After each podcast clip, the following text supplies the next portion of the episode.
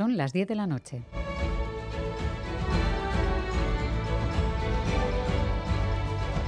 Radio Euskadi y Radio Vitoria. Servicios informativos.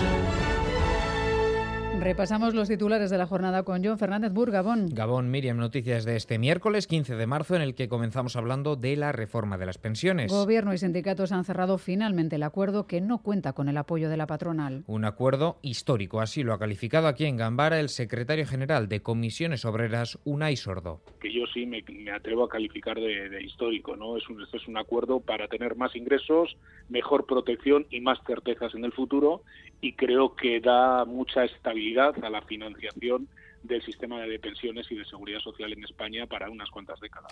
Y en el mismo sentido se manifestaba el ministro de Seguridad Social, José Luis Escriba. Que esta reforma es una reforma histórica de una relevancia extraordinaria. Simplemente pensemos cuántas personas se ven positivamente afectadas. 11 millones de pensionistas y todos los que después la gran mayoría de las personas en el mercado de trabajo en este momento que serán pensionistas.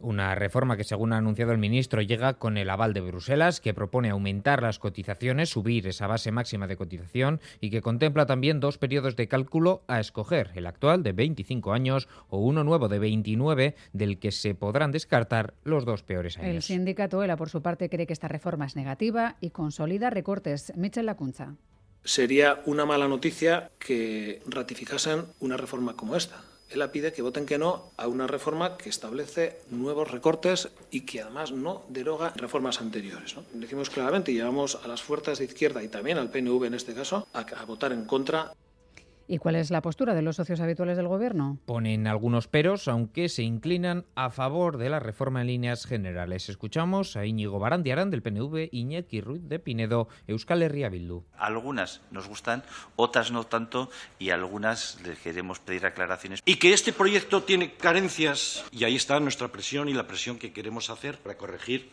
esas insuficiencias. Pero, por lo menos, estamos en una situación muy diferente al de hace cinco años. Salvo sorpresa, el Ejecutivo Sánchez no tendrá problemas para sacar la reforma adelante con sus socios habituales, una reforma que, eso sí, contará con el no de Partido Popular, Ciudadanos y Vox. Y la reforma de las pensiones también es noticia en Francia. El gobierno Macron sigue sin tener asegurada la mayoría para sacar adelante ese retraso propuesto de la edad de jubilación. Las calles llevan incendiadas semanas, los sindicatos mantienen el pulso y hoy nueva jornada de movilizaciones. Para poder aprobar la reforma en la Asamblea, al Ejecutivo le faltan 40 votos. Veremos si los consigue de aquí a mañana por la tarde, cuando se celebrará esa votación. Aunque recuerden, a falta de acuerdo, cabe la posibilidad de que el Gobierno apruebe esa reforma de las pensiones por decreto. La crisis bancaria vuelve a hacerse hueco entre los titulares del día. Sí, tras la caída de dos bancos estadounidenses este fin de semana, hoy es Credit Suisse, el segundo vasco, banco más eh, grande de Suiza, el que se ha dejado una cuarta parte de su valor ya mermado en una sola jornada. Su primer accionista, el banco saudí SNB, ha dicho que no aportará más capital.